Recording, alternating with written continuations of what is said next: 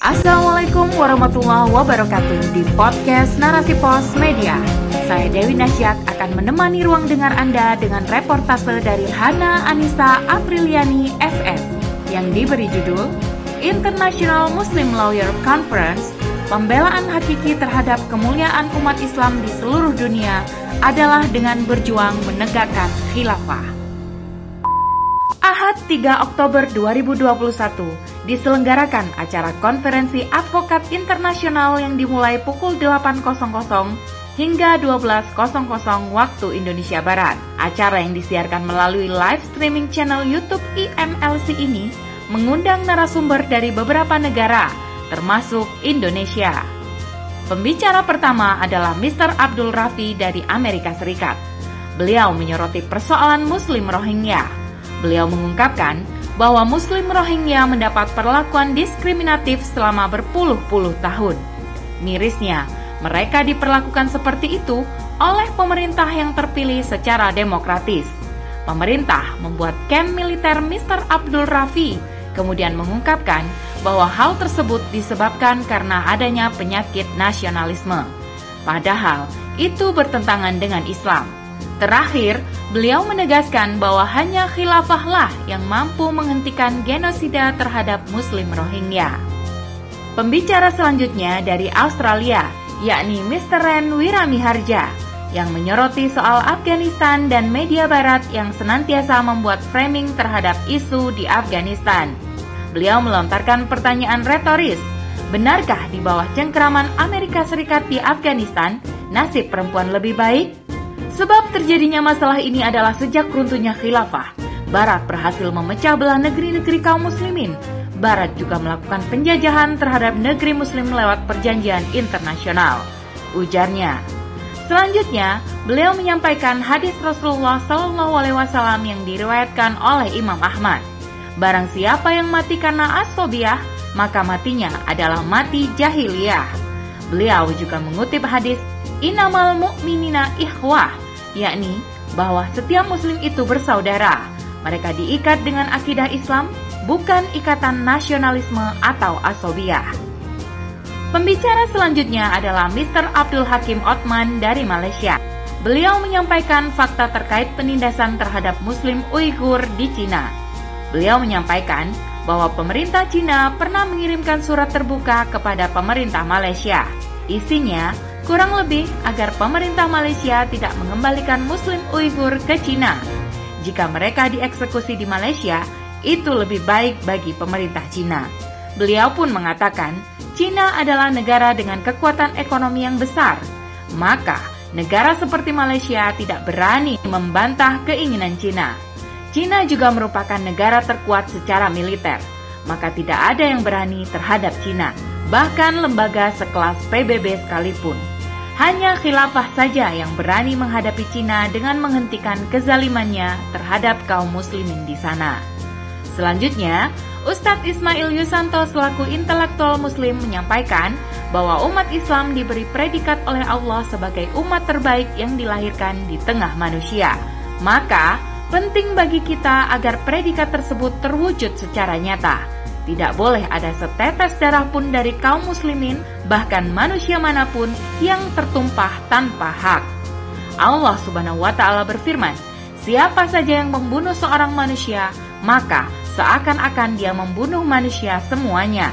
Tetapi barang siapa yang memelihara kehidupan seorang manusia, maka seolah-olah dia telah memelihara kehidupan manusia semuanya." Quran Surah Al-Maidah 32 ini menunjukkan sebuah penghargaan Allah terhadap nyawa manusia, karena semua perkara itu berpangkal dari kehidupan. Jika nyawa manusia saja begitu dihargai oleh Allah, apalagi nyawa seorang Muslim. Rasulullah Shallallahu Alaihi Wasallam bersabda, hilangnya dunia itu lebih ringan di hadapan Allah daripada terbunuhnya seorang Muslim tanpa hak. Hadis riwayat An-Nasai dan Tirmizi.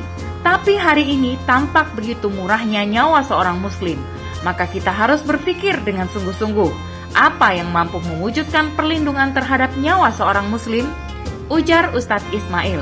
Kemudian beliau menyebutkan, Pertama, kita tidak boleh menjadi pribadi yang lemah dan penakut yang mudah dihancurkan oleh musuh. Kedua, harus ada kekuatan umat karena kita semua bersaudara.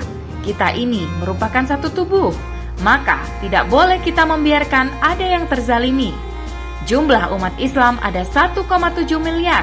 Jika poin 1 dan 2 bisa diwujudkan, tentu saja umat Islam akan memiliki kekuatan yang besar. Ketiga, hadirnya institusi yang menjadi pelindung umat. Amirul Mukminin atau khalifah itu adalah junah atau perisai atau tameng. Maksud dari tameng ini adalah karena ia akan melindungi kehormatan Islam serta jiwa kaum muslimin. Maka, institusi ini harus ada. Namun hari ini, institusi itu tidak ada. Umat Islam tidak memiliki kesatuan. Ditambah lagi, tak sedikit umat Islam yang memiliki mental yang lembek bahkan mereka menjadi bagian dari orang-orang yang melakukan kezaliman ini. Maka, kita harus menjadi pribadi yang berani dan kita harus mewujudkan institusi yang menjadi junah bagi kaum muslimin. Stop kita berharap pada lembaga-lembaga internasional, karena nasib umat Islam tak akan berubah kecuali dengan hadirnya institusi Islam, tegas Ustadz Ismail. Beliau pun mengatakan bahwa kita harus kerahkan tenaga, waktu, bahkan nyawa kita untuk menegakkan izah kaum muslimin. Jadilah kita ansyarullah, penolong agama Allah. Insya Allah, fajar kebangkitan akan terbit. Ingatlah, dunia tanpa hadirnya institusi Islam, maka umat Islam tidak akan pernah meraih predikat khairu ummah, serunya. Selanjutnya, Profesor Suteki SHM Hum, selaku pakar hukum, menyampaikan terkait fakta hukum saat ini. Ada beberapa kejahatan yang bisa diadili di ICC, yaitu International Crime Court. Di antaranya kejahatan perang, crime against humanity atau kejahatan kemanusiaan, dan lain-lain. Apakah yang terjadi di Uighur terkategori crime against humanity? Faktanya, di Uighur terjadi kejahatan terhadap kemanusiaan, terjadi pembunuhan, pemenjaraan jutaan warga Uighur yang tidak bersalah Profesor Suteki juga menyampaikan soal penangkapan Yakub Haji setelah memberikan donasi untuk membangun masjid pada tahun 2018. Dia dituduh sebagai ekstremisme, kemudian dia ditangkap dan disiksa dalam waktu yang lama. Kemudian Yakub Haji dikembalikan kepada keluarganya dalam kondisi sudah meninggal dunia. Sampai saat ini, 1,8 juta warga Uighur yang masih ditahan oleh pemerintah Cina. Berdasarkan International Report dinyatakan bahwa Muslim Uighur diperlakukan sebagai musuh negara dan mereka ditahan di kamp konsentrasi karena agama mereka. Sungguh sangat represif, ungkap Profesor Suteki. Beliau juga menambahkan bahwa pemerintah Cina menangkap siapa saja yang dicurigai terlibat kegiatan keagamaan ilegal, bahkan mempersekusi ulama. Untuk membuktikan bahwa apa yang dilakukan pemerintah Cina adalah termasuk crime against humanity, diukur dengan dua metode, yakni actus reus, tindakan atau perbuatan, dan mens rea, niat jahat. Indikator lain adalah berdasarkan pasal 7 ayat 1. Statuta Roma kejahatan kemanusiaan diukur berdasarkan sifatnya yang meluas dan sistematis. Meluas artinya jumlah korbannya banyak, sedangkan sistematis dilakukan secara terstruktur oleh negara. Dalam pemaparannya, Profesor Suteki akhirnya menyatakan bahwa kejahatan yang terjadi di Uighur harus dihentikan karena termasuk dalam crime against humanity. Namun, hanya khilafah yang mampu menghentikan kejahatan tersebut. Demikianlah acara konferensi daring ini yang telah berlangsung selama 4 jam ditutup dengan testimoni dari para advokat dari berbagai daerah di Indonesia.